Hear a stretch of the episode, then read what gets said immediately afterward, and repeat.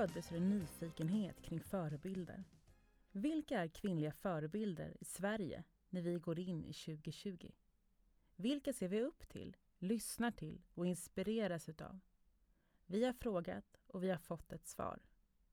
Dessa kvinnor har vi träffat för att ta reda på vilka de är och vad som driver dem. Vi har även intervjuat andra kvinnor som vi tycker att fler borde få upp ögonen för. Det här är en intervjupodd med mig, Maria Högberg och kvinnliga förebilder i Sverige.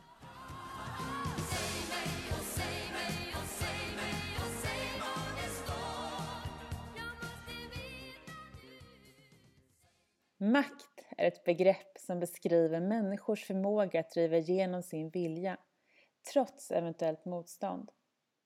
Förmågan är ofta ett resultat av resurser, politiska, ekonomiska eller kulturella till exempel.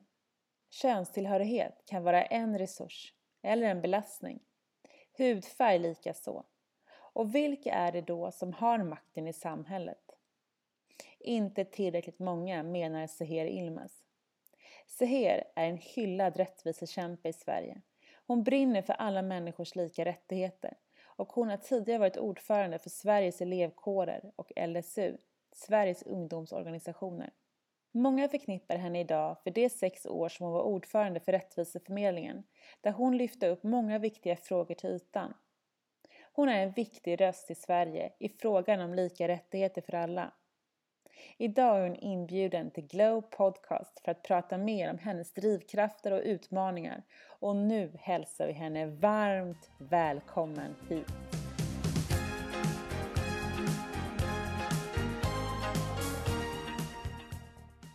Men hej och varmt välkommen hit! Tack! Hur mår du idag? Jag mår bra. Det här ska bli roligt.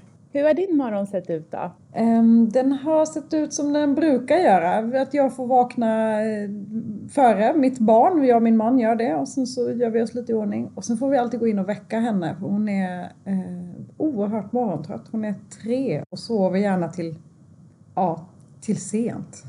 Är det sant? När går hon och lägger sig då? då? Um, ja, men vid halv åtta ungefär försöker vi vara i säng. Hon älskar att sova. Det är fantastiskt. Nej, gud vad skönt! ja, eh, men eh, idag har vi ju jättemycket spännande att prata om som är du. Eh, och du har ju haft jättemycket viktiga uppdrag under din karriär och idag arbetar du på SVT. Mm. men jag tänker att vi ska backa bandet eh, och eh, prata lite om din uppväxt och vad som har präglat dig. Du är ju född i Kristianstad Mm. Mm. Är det där du är uppvuxen också? Nej, jag bodde där i fem månader tror jag Så jag är väldigt lite så här, eh, känsla av att jag är en Kristianstad-person. Ja, fem månader. Exakt. Mm. Um, mina föräldrar flyttade runt lite efter jobb och sen så när jag skulle börja skolan då landade vi i Lund. Eh, så jag, jag ser mig själv som lundensare för det är där jag har mina liksom, flesta minnen och eh, hela min barndom liksom, mm. är därifrån. Ja, för du flyttade dit när du var sex va? Mm. Ja. Hur var Lund då, att växa upp i? Eh, ja men det var bra. Det är ju så svårt att veta, man har ju inget annat att jämföra med. Men eh, jag tyckte, jag tyckte att det var en bra uppväxt. Det, jag gick på en, en grundskola med barn från hela världen. Eh, reflekterade liksom sällan över eh, att, att vi kanske inte hade så mycket pengar i familjen. För det var, de andra barnen kom från liknande bakgrunder, liksom socioekonomisk bakgrund. Så det var väldigt lite jag funderade över. Och sen så Eh, öppnades liksom något nytt upp för mig när jag började gymnasiet eh, och började liksom på en skola där barn kanske hade det lite bättre ställt. Eh, det var väl en stor grej för mig, att då fattade jag att ja, just det, det, är, det är så att folk åker skidor jämt och ständigt och åker på solsemestrar hela tiden. Det gör inte vi. Men i övrigt var det liksom en, en bra stad att växa upp i. Jag tror att den var perfekt i storlek och så nära till allt. Men hur var det när du då började på gymnasiet? Liksom? Hur, vad var det första du liksom lade märke till? Att, inte, att det fanns skillnader i, i samhället? Ja, men, jag tänker så här, jag har ju liksom vuxit upp i ett politiskt hem så jag har ju alltid fått höra om ojämlikheter och liksom att samhället inte ser ut på samma sätt för alla, alla har inte samma villkor. Men när man själv befinner sig i ett sammanhang där de flesta har det ungefär lika ställt, även om jag visste att så, några bor säkert finare och några gör det inte. Liksom. Eh, så tänker man inte så mycket på sin egen position i relation till andra. Eh, det var först liksom på gymnasiet det blev tydligt för mig att eh, här, ja, i, i, den klicken jag umgicks i då var vissa saker självklarheter som inte jag hade varit med om. Eh, och det blev liksom tydligt för mig. Och att vara på en skola där så här, ja men en del eh, kompisars föräldrar ägde fastigheter inne i stan, alltså saker som jag inte visste fanns. Eh, och där alla hade liksom akademikerföräldrar i, i stort. Eh, så det är klart att det blev mer påtagligt för mig. Vad hände med dig då?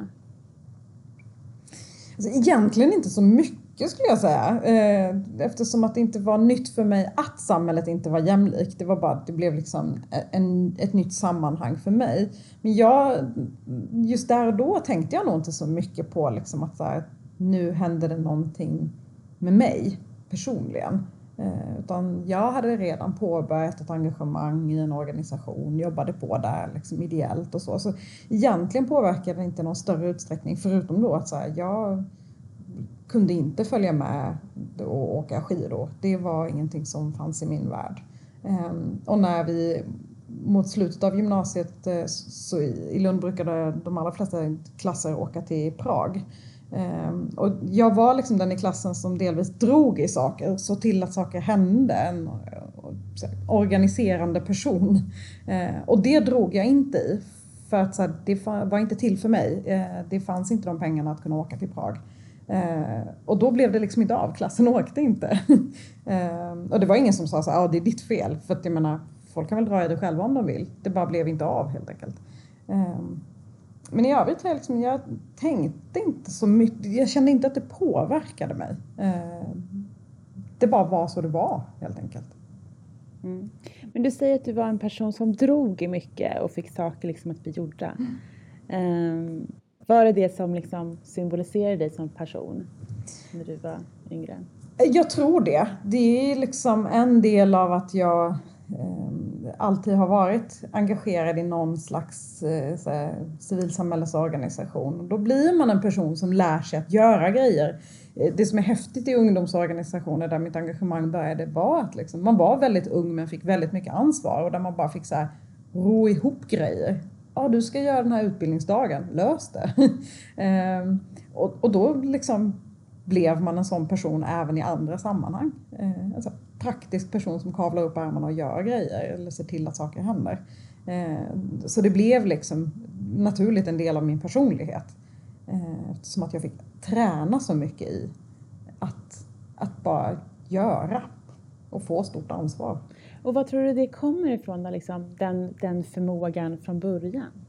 Ja, men delvis eh, tror jag verkligen att den kommer från mina föräldrar. Eh, där jag är uppvuxen i ett hem där man har pratat mycket politik och sagt att så här, vill man förändra något så behöver man se till att bidra till det själv. Man kan inte sitta och vänta på att världen ska bli bättre eh, utan man, man, man behöver göra någonting själv i så fall. Eh, så det är ju såklart en del av det.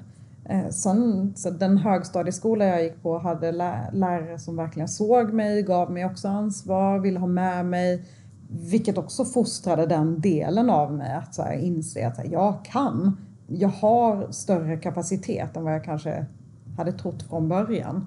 Eh, och ju mer man får pröva grejer desto bättre blir man ju på att göra grejer. Det är ju inte konstigare än så.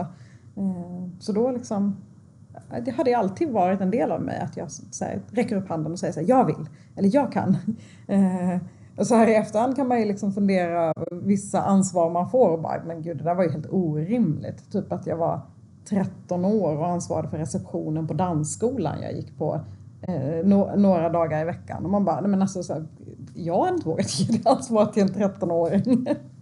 Men hur, hur fick du det ansvaret då? Ja, men jag gick på den där dansskolan och dansade och liksom, det var där väldigt mycket. Och sen så var, kaxig som jag var så sa jag väl till så här, han som hade stället att jag bara, när ska jag få när ska jag få börja jobba här?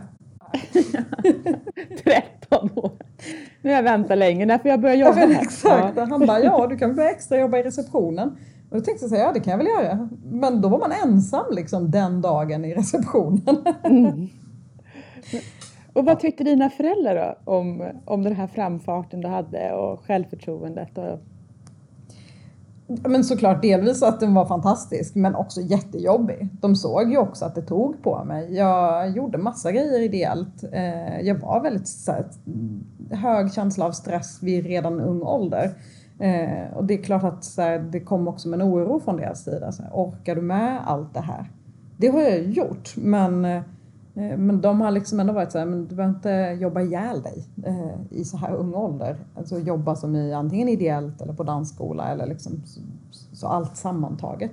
Eh, och jag har ju liksom alltid haft höga krav på mig själv och förväntat att det ska gå bra för mig. Eh, och det kommer ju också med en viss typ av stress och press. Eh, så där, de har liksom både varit jättestolta men också varit så här, det finns en gräns för vad du kan mäkta med. Och jag tyckte att de var eh, orättvisa då. Så, ja men fan, ni låter mig inte göra vad jag vill.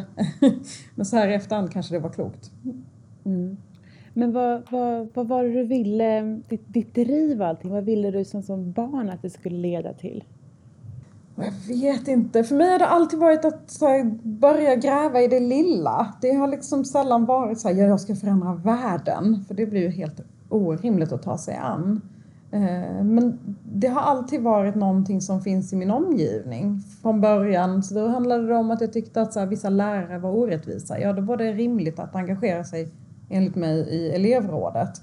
Eh, och när det liksom eh, när jag hade jobbat på med det ett tag, ja, då såg jag att så här, okay, det behöver inte bara handla om min skola, det kan handla om några till. Ja, då kan jag engagera mig i Sveriges elevkårer, Eh, regionalt. Och så liksom, men jag tittar hela tiden på det som är i min omgivning och ser så här, vad, vad finns det här som jag kan skruva lite i eller bidra lite till.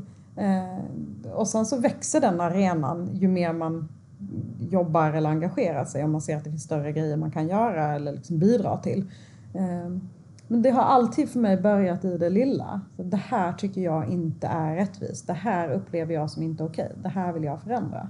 Eh. Ja, men har du liksom, jag tänker typ när du började på din gymnasieskola, när du liksom såg att mm. helt plötsligt så förändrades liksom. Du fick se det som kanske dina föräldrar hade berättat för dig om. Mm. Vad var du vill, var det där någonting då som du ville förändra? Då, liksom, det fanns inte med i vad jag engagerade mig i då faktiskt. Utan det, jag hade redan liksom slagit in lite på den här, så här skolpolitiska vägen och var väldigt engagerad i så här, hur, hur är en bra skola, hur ser den till att vara för alla? Ehm, men inte liksom, eh, då fanns inte andra typer av ojämlikheter på tapeten för mig. Det var ingenting som jag engagerade mig i då. Eh, men det är klart, det hade lika gärna kunnat vara det. Alltså, det är så här, ibland får man ju också tänka att det var nog ett bananskal var jag landade först. Och, och eh, så började engagera mig. Hade någon annan slags organisation så kommit upp och jag hade blivit medveten om att det fanns något annat att engagera sig i, då hade det kanske blivit det. Eh, det var ju ett bananskal från början. Mm, mm. Men om jag tänker, när kom, eh, när kom jämlikhet? När blev det en viktig fråga för dig? På ett sätt har den ju liksom alltid varit viktig men det har tagit mig tid att formulera det som att det är viktigt för mig Ehm, feminismen och så här, ojämställdheten kom rätt tidigt för mig. Ehm, men det var ingenting som jag så här, organiserade mig i, även om jag brydde mig om det. Jag skrev artiklar till så här, ungdomssidan i Sydsvenskan. Uh, jag drev frågorna på skolan, men det fanns liksom ingen aktiv organisering kopplat till det för min del. Eh, men det fanns där hela tiden att jag blir behandlad på ett annat sätt. Jag utsätts för saker som eh, killarna i klassen inte utsätts för. Jag förväntas acceptera saker som andra inte förväntas acceptera. Eh, och det är orättvist. Så det liksom fanns alltid med. Jag tänker frågor kopplat till rasism kom senare för mig. Det var liksom ett senare uppvaknande. Och det kanske inte är så konstigt. Jag rörde mig inte i kretsar där man pratade om det. Det var inte en fråga som jag upplevde var aktuell i min närhet. det var den säkert. Eh, men när jag är uppvuxen på 90-talet, det är klart att det var aktuellt och närvarande. Det är bara att jag var nog för liten för att förstå delvis. Ehm, så, så det kom mycket senare för mig, de frågorna. Mm. Ehm. Alltså var det, var det för tidigt för att förstå att det fanns eller förstå att det var fel? Det var nog för tidigt för mig att förstå att det fanns. Alltså, jag liksom... Eh, jag medvetande gjordes inte om att det fanns. Det var ingen som skrek, det kanske var, det vet jag inte, men jag tänkte inte på att det var någon som skrek liksom svartskalle efter mig. Eh, så, till exempel. Eh, jag tror att så här, hade det skett så explicit, då hade jag blivit väldigt mycket mer uppmärksammad på det. Men när killarna i klassen kallade mig för hora, då blev det ju så oerhört närvarande. Ehm, så det är nog också det som liksom påverkade lite vad som kom först eh, i mitt engagemang. För det ena kändes mycket mer uttalat för mig i, i den situation jag befann mig i. Och det andra kom senare. Mm. Men var det den typen av ehm, dialoger eller den typen av jargong i din skola att, att killarna kallade dig och andra för hora? Det var det. Eh, och jag, så här, det är ju så hemskt att säga men jag tror att det är en oerhört stor del av många unga flickors vardag. Eh, vilket ju är jättehemskt att tänka på. Eh, men det var både glåpord och så här ord man bara, men jag är typ 11, hur skulle det här ens vara applicerbart överhuvudtaget? Alltså så här, blev, blev kallad för liksom en massa saker. Och, eh, som att jag var lätt på foten. Och man bara, men alltså jag har typ knappt hållit någon i handen. Jag förstår liksom inte eh, vad det handlar om. Eh, inte för att någon ska någonsin bli kallad för någonting oavsett vad man har agerat i, men man bara, jag är ett jättelitet barn. Eh, men också att min kropp utvecklades tidigare än andra tjejer i klassen, vilket gjorde att så här, det var många pojkar som tyckte att min kropp var till för dem. Eh, att den skulle vara något man fick lov att ta på. Eh, och det där liksom, ja, då, då blir det mycket mer påtagligt för en att så här, det här är någonting som inte stämmer. Så här ska det inte behöva vara. Ja, det är, det är ju verkligen fruktansvärt och det är ju säkert, det är ju jättemånga som, som känner sig igen i den bilden. Men hur sorterade du det liksom när du var 11 år? Alltså hur, hur placerade du in det? Vad som var rätt, vad som var fel, vad som var sant, vad som var falskt? Ja men det, det, var, det var nog väldigt mycket så här, vad, hur känns det? Ja, men när tycker jag att det här är härligt och när gör jag inte det? Eh, men det är klart att det också är förvirrande. Man är liksom jätteliten och kan både känna så här, wow, jag får uppmärksamhet. Men också så här, uppmärksamhet på ett sätt som kanske inte är det jag vill ha. Ehm, jag vet att jag vid något tillfälle fick nog eh, och så här, skamset berättade för min pappa eh, om vad killarna i klassen gjorde och han blev så rasande Eh, och ringde upp deras föräldrar på sin knapphändiga svenska och bara skällde ut dem. Eh, och jag skämdes ju jättemycket. Jag var såhär, men gud så här kan man inte agera. Man kan inte ringa upp andras föräldrar och skälla. Men därefter tog det slut faktiskt. För det ledde till att de här föräldrarna pratade med sina barn och barnen bad om ursäkt och det upphörde. Men det var först på högstadiet när jag läste Fittstim. Vi fick läsa den i skolan som det liksom sattes i ett sammanhang. Jag var så här, men jag är, vänta nu, alltså, jag är inte ensam. Det finns ett system det handlar om. Jag är inte ensam om att känna saker eller ha upplevt grejer. Det var som att de här kvinnorna som hade skrivit i Fittstim bara satte allt i en kontext. Och det blev en så himla stor lättnad för mig. För jag slapp vara ensam. Och vad, vad var liksom läraren när, när, som Eh, ville att ni skulle läsa den här boken? Ja, det minns jag inte. Jag minns faktiskt inte varför de ville att vi skulle läsa den. Nej.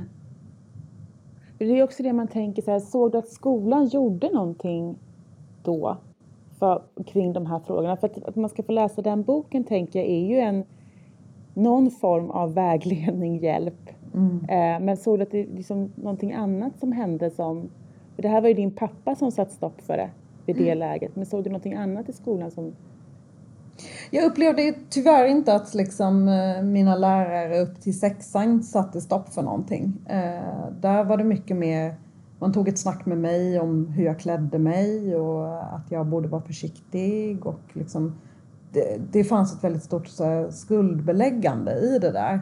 Jag minns att eh, när jag hade hört för typ tredje eller fjärde gången av min lärare att jag klädde mig utmanande. Man bara, du, du är vuxen människa, du säger det här till ett barn. Ehm, eh, då eh, så här, traskade jag upp till studierektorns rum och ringde på och så öppnade han så här förvånat och så, så frågade jag så här, tycker du att det här är utmanande kläder? En vuxen man då. Jag, jag minns liksom inte hans svar men jag var så här, jag bara, det känns inte rätt. Jag kan inte förklara, jag har inte de politiska begreppen. Eh, jag kan inte sätta det i ett sammanhang för jag är 11-12 år gammal. Men det låter ju helt stört att min lärare säger åt mig att jag inte får på mig de här kläderna. Som då var typ ett par jeans och ett linne eller något. Alltså det var liksom inte heller något så här, det spelar ingen roll hur kort var kjolen ska inte frågan vara. Men jag var så här, jag bara, det, det, var ingenting som var, det var helt vanliga kläder. Grejen var att min kropp var mer utvecklad än mina klasskompisar. Så kläderna satt annorlunda på min kropp. Och hon tyckte att det var upp till mig att ta ansvar för det. Herregud, jag undrar om det, hade, om det försiggår idag? Och om, det hade, om, man hade, om man får säga så som lärare idag? Jag hoppas inte det det är ett väldigt eh, gammaldags sätt att liksom... Ja, men skuldbelägga ett barn. Ja. På det sättet.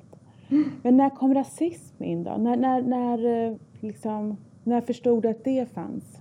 Ja men delvis, det var någonting på gymnasiet. Alltså det är liksom... Eh, det är klart att jag förstod att det fanns, det bara fanns inte där jag var, kände jag som, kändes det som. Men jag vet att jag och min kompis var på stan, eh, vi gick på gymnasiet och så ställde det sig ett gäng män på ett av torgen i Lund eh, med så här sköldar och ja men det var väl någon så här nazistisk, fascistisk, rasistisk eh, grupp. Jag minns liksom inte vilka de var. Men de ställde sig där och liksom kände sig hotade av utvecklingen i samhället med sköldar och flaggor och allt vad det var. Så vet jag att min kompis vände sig till mig och sa så här, förlåt. Så jag, jag, jag ber om ursäkt och jag skäms att det här händer eh, i också ditt land.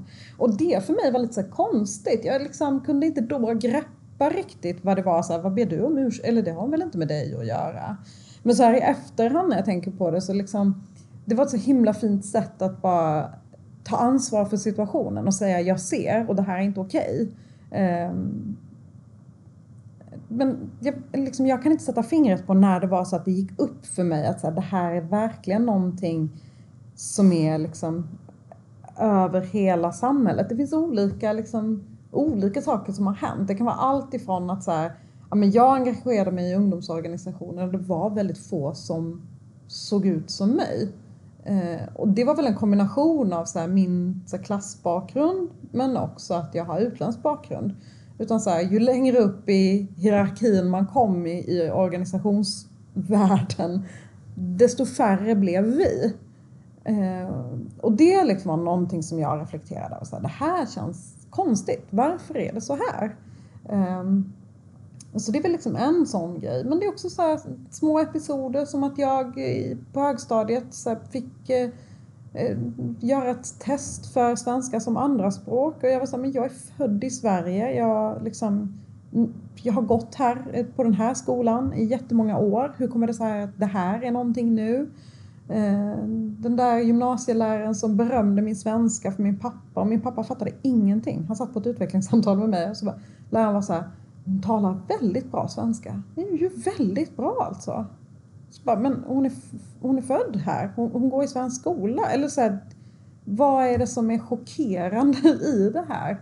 Eh, vad är det värt att berömma? För det var inte så att han var så här, hon använde väldigt avancerade ord för sin ålder. För det hade man ju kunnat liksom berömma vem som helst för. Men det här var mer så här, gud att hon inte bryter. Att hon kan svenska överhuvudtaget. Eh, det för mig var liksom väldigt, det, men det är så små episoder som till slut blir så här, nej men vänta nu, här, jag blir utsatt för att vara den andra utan att jag egentligen har gjort någonting. Utan i andras ögon så är jag något annorlunda. Eller den där läraren som vägrade säga, liksom, säga mitt namn under de två åren jag gick hos henne för att hon kunde inte uttala det. Mm. Så till, liksom, små, och till små, slut, liksom. när man har varit med om, precis, när man har varit med om det där lilla tillräckligt många gånger så blir ju det till slut ett mönster. Och då mm. behöver man liksom ett namn för det eh, och förstå vad det handlar om. Mm. Så liksom Precis som med jämställdhet och feminism, när jag till slut hade lagt ihop alla de där små grejerna och sen fick läsa Fittstim och var så här, ah, det är ett system.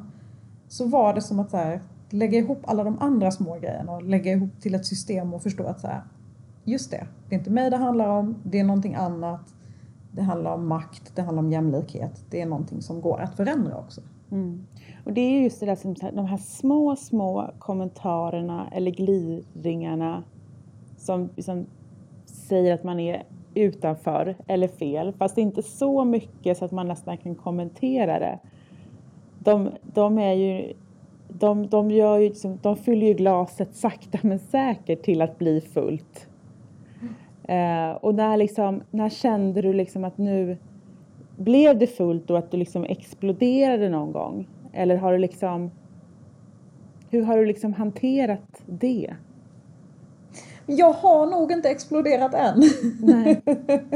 Eh, jag funkar nog inte riktigt så tror jag. Eh, faktiskt. Utan jag ser ju till att liksom det också får pysa på andra änden genom att här, hitta vägar att jobba med eh, frågan och göra någonting som jag tror skjuter samhället i rätt riktning. Vilket ju gör att så här, även om glaset fylls på hela tiden så känns det också som att jag ser till att så här, skopa ur lite grann genom att försöka bidra till en förändring. Och jag hoppas att liksom, det gör att jag aldrig behöver explodera. Sen är det klart att det fortfarande händer grejer som gör att jag blir liksom helt urlakad eller att jag liksom känner så här, nej men nu vet jag liksom inte ens vad jag ska göra. Um, och det kan vara allt ifrån en politisk debatt till en så konkret händelse som jag själv är med om. Uh, men jag är rätt duktig på att sen liksom fortsätta fokusera på att nej, men jag gör vad jag kan och det gör att det känns bättre. Mm. För, du, liksom, för jag tänker att ett forum som eh, du verkligen liksom kom till din fulla rätt var ju som ordförande för Rättviseförmedlingen. Ja, verkligen. Det, liksom, kan du beskriva bara kort vad Rättviseförmedlingen gjorde? Rättviseförmedlingen var egentligen ett nätverk av i slutändan typ 130 000 följare i sociala medier som tillsammans såg till att tipsa om kompetenta personer som andra ser förbi eh, och som ofta hamnar i skymundan. Så det var liksom själva grejen. Vi gjorde långa, långa listor på smarta människor som kunde olika saker men som bröt mot normen. Eh, det var kärnan i det. Sen bedrev vi också liksom påverkansarbete, opinionsbildning kopplat till frågor som handlade om representation.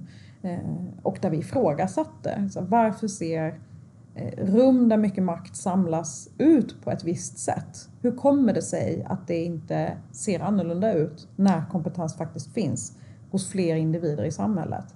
Och då hamnade jag ju i liksom diskussioner som handlade om eh, jämställdhet och rasism och så, vad, de, de, strukturer som sätter eh, käppar i hjulet för, för utveckling. Mm. Och hur fick du den rollen från början? Jag, jag var ordförande för Sveriges ungdomsorganisationer.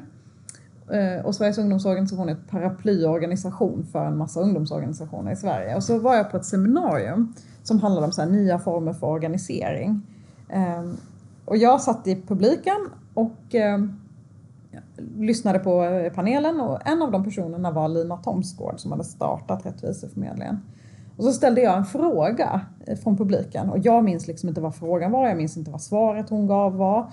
Eh, och jag gick vidare i mitt liv liksom. Och sen så råkade jag på Lina, eh, jag tror att det var i Almedalen sen när jag var där med mitt jobb. Eh, och så sa hon så här, ah, men det var du som ställde den där smarta frågan i den där publiken. Eh, hon har väldigt liksom eh, fin förmåga att komma ihåg saker och människor. Eh, och liksom så, så här, kom vi liksom i kontakt med varandra. Sen jobbade jag på i liksom ungdomsorganisationer och i kommunikationsbranschen. Jag skrev texter om så här, jämställdhet och rasism och sådär. Eh, och så hörde Rättviseförmedlingen av sig en dag och undrade om jag ville ingå i ett, eh, ett slags advisory board till dem. Och det tackade jag ja till för jag tycker att Rättviseförmedlingen var en väldigt spännande liksom, plattform och något helt nytt sätt att organisera sig på. Eh, och när jag hade varit med i advisory boardet där ett tag så fick jag sen frågan om jag ville sitta i styrelsen. Eh, och det kände jag var magiskt. Eh, att få vara med om en sån liksom, framåtrörelse som det var. Och eh, när det hade gått några liksom, månader och jag inte hade hört något igen så började jag höra av mig som den organisationsmänniska jag är och var så här när eh, återkopplar valberedningen? När är årsmötet? Hur fungerar det här? Eftersom att jag liksom är så skolad i civilsamhället så var jag så här, hur går det här till? Vad händer nu liksom? Och då hörde valberedningen av sig och sa så här, du vi har en annan idé. Vi tänkte, kan vi inte äta lunch? Och så käkade vi lunch och då var Lina också där. Och då frågade Lina om inte jag ville ta över som ordförande för Rättviseförmedlingen. Och vad Efter, tänkte du då? då? Nej men gud, jag tänkte så här, det här är ju helt omöjligt uppdrag. Det går inte. Det är att ta över någons liksom bebis. Någon, någonting som någon annan har skapat och byggt upp och lagt ner så mycket kärlek och energi och tid eh, och engagemang i. Um, men så tänkte jag så här, men det är ju liksom, jag kan ju inte riktigt tacka nej. Det är en för, för häftig möjlighet. Um, och det var ett ideellt uppdrag i, liksom, till en början. Men jag var så här, men det här behöver jag, jag, jag behöver i alla fall testa. Uh, och så satte jag upp ett mål för mig själv för mitt första år. Så var jag så här, om inte Rättvisefamiljen dör mitt första år så har jag gjort ett bra jobb. Mm. så det var rätt lågt ställda krav på mig själv uh, för att våga. Eh, och så tackade jag ja. Mm. Och vad fick du liksom, när hon lämnade över stafettpinnen till dig? Gav hon dig några så uppmaningar då eller hade hon något mål med att lämna över stafettpinnen till dig? Ja, men hon tyckte att det var dags för Rättviseförmedlingen att bredda sina frågor. Där de liksom till en början framförallt hade handlat om kön. Och nu skulle vi bredda till att också handla om eh, representation utifrån bakgrund och hudfärg och den typen av frågor. Ehm, så det var ju liksom hennes önskan. Men sen utöver det så lämnade hon, hon bara lämnade över och var så här, nu är det här ditt. Nu får mm. du göra vad du vill. Mm. Eh, vilket är så oerhört modigt. Jag tänker liksom ofta på det. Så tänk om fler personer vågade lämna ifrån sig saker.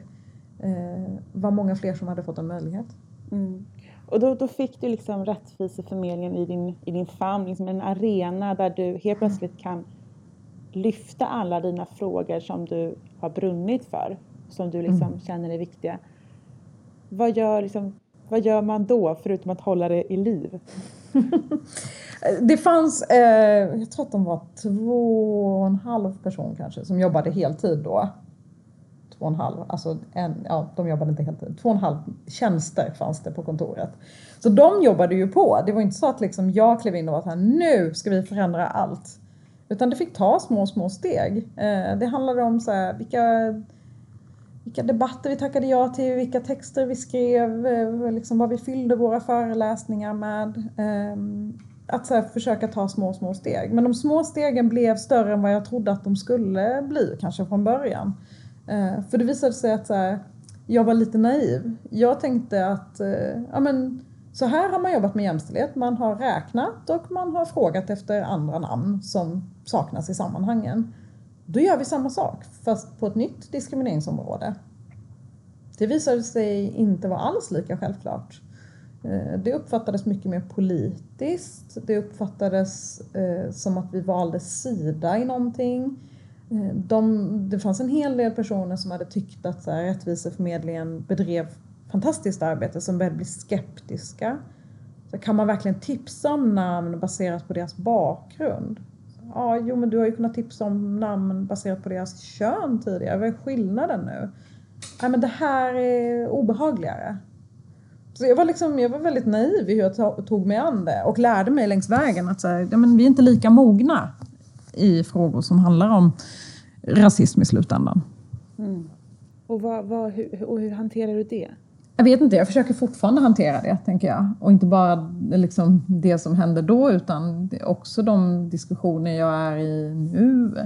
När tillräckligt många säger åt en att så här, det man gör är skevt, eller att det finns något obehagligt i det, då är det lätt att börja fundera på så här, men Finns det någonting som är skevt? Borde vi inte jobba på samma strukturerade sätt som vi har gjort kopplat till jämställdhet? Eh, är det, någon, är, är det något som inte är, stämmer här? Eh, det är ju mycket lättare att liksom lyssna på de som är kritiker. De, deras röster hörs mycket tydligare hos en själv än de som antingen så här högljutt håller med eller är den tysta massan som håller med.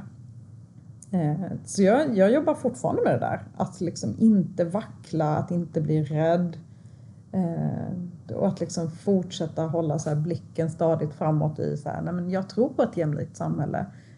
Och för att vi ska kunna komma dit så behöver vi riva en massa hinder som är jättejobbiga att eh, riva. Ja, och ska vi lyckas med det så får man liksom inte bli rädd. Men, ja, men det är lättare sagt än gjort. Men jag tänker också att liksom i din roll som ordförande för Rättviseförmedlingen så gjorde du väldigt mycket föreläsningar. Eh, mm. och stora. Jag vet ju att första gången jag såg dig var ju på eh, en ledarskapsföreläsning på Berns tror jag. Jag vet inte hur många chefer som satt där. Det. Och, jag, och, det var liksom, ditt namn var nog det enda jag inte kände till innan. Men jag kommer ju ihåg din föreläsning. Alltså den var ju så trollbindande för att den inte handlade den handlade ju, med siffror och räkna kommer man ju en viss bit men med känsla. Alltså med mm. att man sätter känslor på det som väcker känslor i andra så når man ju hela vägen in. Eh, mm. Så jag kommer ju ihåg att när du föreläste så var det ju liksom, det var ju så att, för mig var det så ett magiskt ögonblick när det blev tyst i hela salongen. Och alla bara Gud, lyssnade. Ja. Och sen så bokade jag ju dig tror jag dagen efter till en konferens som vi hade som du gjorde ja. lika bra ifrån dig. Men det var, jag kommer verkligen ihåg det ögonblicket, alltså om man liksom, när, när det gick in på ett sånt sätt. Så jag tänker att det jobbade ju du väldigt mycket med också. Att sätta liksom känslor på siffrorna och på mm. orättvisorna. Det är så intressant för den där föreläsningen, de ville, i och med att jag inte var ett känt namn, jag var ju, det var ju väldigt nytt fortfarande för mig då, Rättviseförmedlingen. Um, nu ska jag liksom inte, uh, kanske, ja men jag hänger ut lite då okej. Okay. Men dels ville de först inte betala mig. Uh, de var så här, nej men du ska vara tacksam för att du får komma hit. Uh, och jag var så här, men du betalar väl alla, ni betalar väl alla andra på scen? Ja, jo men vår budget är slut typ. Eh, och jag sa, nej men det tänker inte jag gå med på. Alltså, tycker ni att det är värt det eller inte? Om det nu var det tillfället, ja men det borde det ha varit. Och så um, och sen så ville de detaljstyra min föreläsning. Jag vet att det var några delar de ville ta bort för de var så här, det här tycker inte vi är relevant. Det som var för mig, det är det som skapar känsla. Eh, och jag stod på mig och fick hålla den på mitt sätt. Eh, och det blev ju, det blev ju bra. Det jag kände ju det efteråt. Men varför tog de in dig då? Vad är din analys av varför de tog in dig? De vill inte betala dig och de vill styra föreläsningen. Jag vet inte. Jag tror att de kände så här, det här blir ett spännande namn. Det blir, vi, vi verkar lite i framkant. Ja, mm. eller vi, precis. Eller lite mångfald. Um, så jag vet faktiskt inte. Men uh, det lönade ju sig att stå på sig. För att så här, det, de visste ju inte det jag visste. Liksom. Ehm, ja. Men det intressanta också överlag med de föreläsningar jag höll, jag var väldigt ofta i näringslivssammanhang. Och där var det aldrig någon som sa så här, så här kan man inte jobba. För i näringslivet så förstod man så här, nej men vi behöver nå nya målgrupper. Okej, då behöver vi människor som kan nå oss, hjälpa oss att nå dem. Vi är vana vid att målgruppssegmentera, så vi är vana vid att prata om människor som liksom, så här, målgrupper som är nedbrutna till så här, vilka de är, var de bor, vad de gör, alltså så. Eh, och man såg att så här, vi behöver bli bättre på rekrytering. Så där fanns liksom inte den här politiska debatten. Eh, och det har jag alltid tyckt har varit så intressant. Att när man pratar med arbetsgivare så fattar de när man säger så här, nej men ni behöver rekrytera bredare, ni behöver se bortom era egna liksom invanda mönster och, och sluta göra saker på slentrian. Ja, det går in. Men i den politiska debatten så, så vill man gärna vrida det till att så, nej, men det handlar om något konstigt. Eller nu ser du människor bara för deras hudfärg och inte för vem de är och vad de kan. Eh, och för mig det är att, liksom, att inte lyssna på behoven som finns i näringslivet eller hos arbetsgivare generellt sett. Ehm, och det gick aldrig ihop för mig. Att, att så här, på, i ena arenan så kunde jag behöva stångas. Och medan den andra arenan var så här, lär oss allt. Vad kan vi tänka på? Hur kan vi förändras? Mm. Almedalen då, för där var det ju också med mycket. Där är det ju en blandning av politik och näringsliv. Um, hur, kände, liksom, hur upplevde du att du blev, och dina åsikter eller liksom det ni drev, eh, bemött där? Ja men bra, det var ju liksom, på ett sätt så här, Sverige är ju en rätt liten arena så när man väl har synts ett gäng gånger så liksom blir man bokad till saker. Eh, så jag menar, vi var ju inbjudna, men det jag kunde tycka och det jag fortfarande tycker liksom är att här, nivån på frågorna var ofta rätt liksom, låg. Det började i så här, nu ska vi prata om det finns diskriminering på arbetsmarknaden. Så, behöver vi verkligen börja där? Precis som att så här, behöver vi verkligen börja i så här, finns ojämställdhet? Så, det är ju redan belagt. Ehm, och det kan jag liksom fortfarande känna mig lite trött kring. När diskussionen hela tiden liksom tas tillbaka till sin början och vi måste liksom prata om det på ett väldigt enkelt sätt och fortfarande bevisa att här, vi är inte jämlika. Och, och, den frustrationen fanns liksom både i Almedalen men även på andra ställen för mig. Mm, mm. Men liksom, för sen Rättviseförmedlingen finns ju inte kvar idag. Nej. Vad, vad, vad beror det på? Vi upplevde att väldigt mycket av de metoder som vi liksom började jobba med, att man skulle ifrågasätta sina nätverk, att man skulle bredda sig själv och vilka man liksom når ut till och så. Det började ske allt mer eh, av organisationer själva. Jag såg liksom tidningar som började göra så här, eh, med fråga efter så här, vi, vi skriver ofta om hållbarhetsfrågor. Vilka experter känner ni till som har utomnordisk bakgrund till exempel? Så folk började liksom göra det på egen hand. Det blev en metod som man insåg att så här, det här är inte så svårt att sammanställa listor på kompetens. Ehm, så det var väl liksom ena anledningen att vi upplevde att så, nej, men det, här, det här rullar på nu. Ehm, vi såg också att vi var liksom väldigt tidiga på Rättviseförmedlingen med ehm, att erbjuda föreläsningar, att jobba liksom, eh, konsultande gentemot eh, organisationer. Men ju längre tiden gick desto fler sådana organisationer och aktörer poppade upp. Och de aktörerna hade fördelen att inte också ha en ideell verksamhet de behövde finansiera. Eh, så vi behövde ju hela tiden inte bara dra in liksom, eh, medel för att jag skulle kunna få en lön eller att mina kollegor skulle kunna få lön. Utan vi behövde hela tiden dra in eh, tillräckligt mycket för att också ha råd att bedriva den verksamhet vi gjorde helt ideellt när vi sammanställer listor eh, på människor som var kompetenta. Eh, och det kräver tid. När man är ett community på 130 000 personer så behöver man människor som jobbar med det communityt för att communityt ska liksom leva och växa och tycka att det fortfarande är kul att bidra.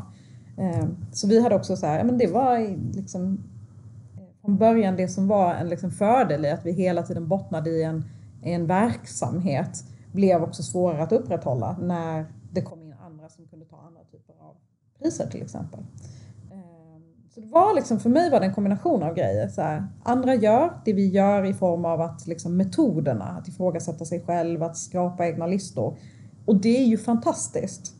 Och samtidigt så här, det kommer massa aktörer som är eh, konsulter och entreprenörer och som också gör det på helt andra sätt och på nya sätt.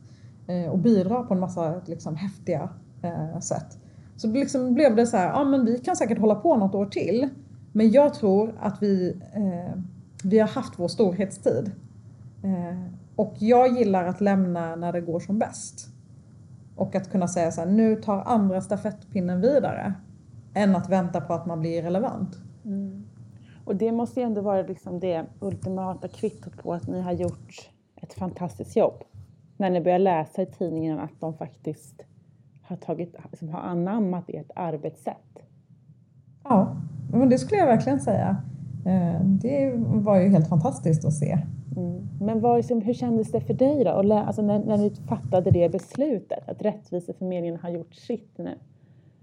Det är alltid konstigt, alltså, oavsett om organisationen läggs ner eller om man bara har avslutat ordförandeskap. Nu har jag ju liksom gjort det vid tre tillfällen att ord, avsluta ordförandeskap som har liksom upptagit all min tid. Eh, det är väldigt märkligt. Ehm, för man blir också eh, Alltså den organisationens varumärke och en själv smälter ihop. Eh, Alltså det är ju också så här någonting som är väldigt konstigt. Man behöver fundera på så här, okay, vem är jag utan Rättviseförmedlingen? Eh, utan den här magiska plattformen, utan alla de här liksom inbjudningarna till rum som jag inte ens visste fanns. Ehm, men i och med att jag har gjort det förut eh, så tror jag att jag var liksom mer förberedd än vad jag kanske hade varit om det var mitt första ordförandeskap som slutade. Ehm, så så det gäller att liksom eh, bara snabbt kunna vara så här, okej okay, men det var det här, nu går vi vidare, nu gör vi något annat. Mm. Men var det svårt för dig, alltså, hur, hur, liksom, för nu jobbar du ju på SVT. Mm. Um, men var det liksom, sökte du jobb eller liksom hur, jag, tänker att du var ju så sammanflätad med rättviseförmedlingen. Mm. Hur tar man liksom, hur tar man nästa steg? Alltså i det liksom rent praktiskt. Jag sökte jobb. Ja. Och hur blev jag tror liksom... att det finns en bild av att här, jag blev så här tok-headhuntad. Eh, det blev jag ju inte. Eh, jag blev aldrig erbjuden ett jobb bara av att någon hörde av sig och var så här, du borde, du borde bli det här. Eh, eller vi har en tjänst som är perfekt för dig. Sök, sök den och du kommer få den. Eh, det tänker jag också är en del av så här, jämställdhetsfrågan. Jag tror att det är mer sällan kvinnor blir headhuntade. Jag upplever att det finns män i min närvaro som bara så här, börjar titta sig omkring och så bara trillar det in jobb. Eh, det hände inte mig. Så, utan jag har fått söka jobb och jobbet på SVT var en annons jag sökte på. Och vad gör och, och, du där då, på SVT nu? Jag eh, är organisationsutvecklare med ansvar för Sverigespegling som då är vårt mångfalds och inkluderingsarbete och för Employer Branding som är vårt arbete med arbetsgivarvarumärket. Um, och i det, jag, jag sitter liksom på rent organisatoriskt så tillhör jag HR och kommunikationsavdelningen. Så det som handlar om vårt inkluderingsarbete är det interna inkluderingsarbetet. Ehm, att se till att säkra upp att vi är en organisation där alla blir lika behandlade och att vi är en organisation eh, som många olika människor vill söka sig till och som får möjlighet att komma in på. Ehm, så, så det är väl liksom i superkorthet vad jag gör. Sen har min liksom, det jag har tagit på mig som uppdrag själv är att försöka hitta ett strukturerat sätt för SVT att arbeta med de här frågorna. Eh, det är inte så att det är nytt för SVT att man pratar om så här, vilka söker sig till oss eller vilka berättelser berättar vi. Men eh, jag har upplevt att många, liksom, eh, mycket av arbetet har drivits i projektform eh, och det, det är ju väldigt vanligt att man bedriver ett jämlikhetsarbete i projektform. Eh, och jag menar att det är liksom det bäddar inte för att det ska bli eh, så lyckosamt som det skulle kunna bli. Så jag försöker liksom eh, arbeta med de här frågorna men strukturera upp dem och få in dem i liksom våra vanliga processer, i våra vanliga struktur. Ehm, för att någonting ska kunna hända. Och sen vill jag driva liksom ett arbete som går att mäta och följa upp. Eh, alltså mäta effekten av och följa upp. Det är då jag tror att vi vet om vi lyckas eller inte. Mm. Och vad, om man tänker liksom som SVT, hur ser, hur ser jämställdhet eller jämlikheten ut där? Jämställdheten skulle jag säga att vi har kommit rätt långt på. Ehm, I chefsleden vet jag att, jag tror att det är en liten liksom, överrepresentation av kvinnor som är chefer. Det är inte jätteojämställt, jag kan inte siffrorna riktigt. Jag tror att det är typ 56 procent eller något av cheferna som är kvinnor. Det är ju ett liksom, arbete som man har jobbat med länge för att se till att det ska bli så. Ehm, vad det gäller eh, jämlikheten i övrigt, det, det vi tittar på eh, det är andelen med utländsk bakgrund Eh, och då definierar vi det som en, minst en förälder född utomlands eller att man själv är född utomlands. Och eh, då är det 22,5 procent som har minst en förälder född utomlands på SVT. Det är någonting vi mäter med hjälp av Statistiska centralbyrån. Så vi gör precis som typ alla andra stora bolag gör när de mäter den siffran. Och mm. där finns det en bit att gå. Ja, för jag tänker typ på Rättviseförmedlingen, där hade du liksom där hade du en arena. Nu jobbar du utifrån en annan arena och i en, liksom en organisatorisk kontext. Mm. Vad, vad, ser du som är liksom fördelarna med det och vad är liksom nackdelarna? Fördelen är att jag får jobba långsiktigt. Ehm, på Rättviseförmedlingen så Eh, alltså det var fortfarande rätt omogen marknad på så sätt att man gärna ville ta in någon som var inspirationsföreläsare eller som gjorde en liten quick fix men som inte liksom skulle finnas där och hålla dem i handen och ta fram strukturer. Ehm, och, och liksom, då fick vi göra den typen av arbete, komma in, ge en liksom, energiinjektion och visa på dem att så här, här finns skevheten ni borde jobba med och ge dem lite verktyg. Men sen klev man alltid ur rummet. Det är ju det det ofta är att vara liksom konsult. Man är sällan med i implementeringsfasen. Eh, men nu är jag ju det. Nu ansvarar jag ju för implementering. Eh, och det skulle jag säga är den stora skillnaden för mig. Att jag är på insidan och att jag liksom får vara med och eh, driva från ax till limpa. Men det, det är ju också det som är det svåraste. Det är ju jättemycket lättare att komma in och hålla en inspirationsföreläsning och sen så tacka för sig och gå därifrån. Eh, det svåra är att stanna kvar och liksom se till att, de, att vi faktiskt gör någonting. Mm. Eh, och om man ser sig framöver då, liksom ditt, brinner du lika mycket för frågorna liksom idag eh, som, som du har gjort tidigare? Och liksom hur, hur ser du på framtiden? Vad vill du åstadkomma utifrån, utifrån där du är idag? Oj, vilken svår fråga. Nej, men jag, alltså, jag brukar sällan tänka framåt. Jag är inte så bra på det. eh, utan jag är mycket mer så här, vad, gör, vad, vad tycker jag att jag kan göra nu? Vad kan jag förändra här, här och nu? Så jag är väldigt mycket mer en så här gräva där du står person än tänka långsiktigt. Det finns andra som är bättre på det. Eh, så, så jag tänker inte så mycket framåt.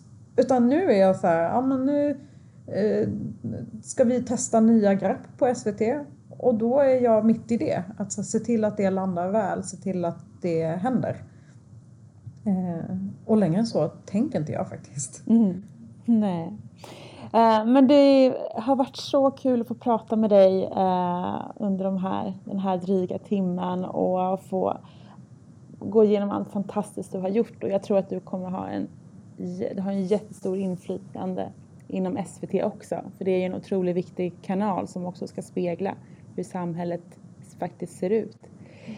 Eh, så jag får önska dig liksom stort lycka till och tacka för, för den här tiden. Ja, men stort tack!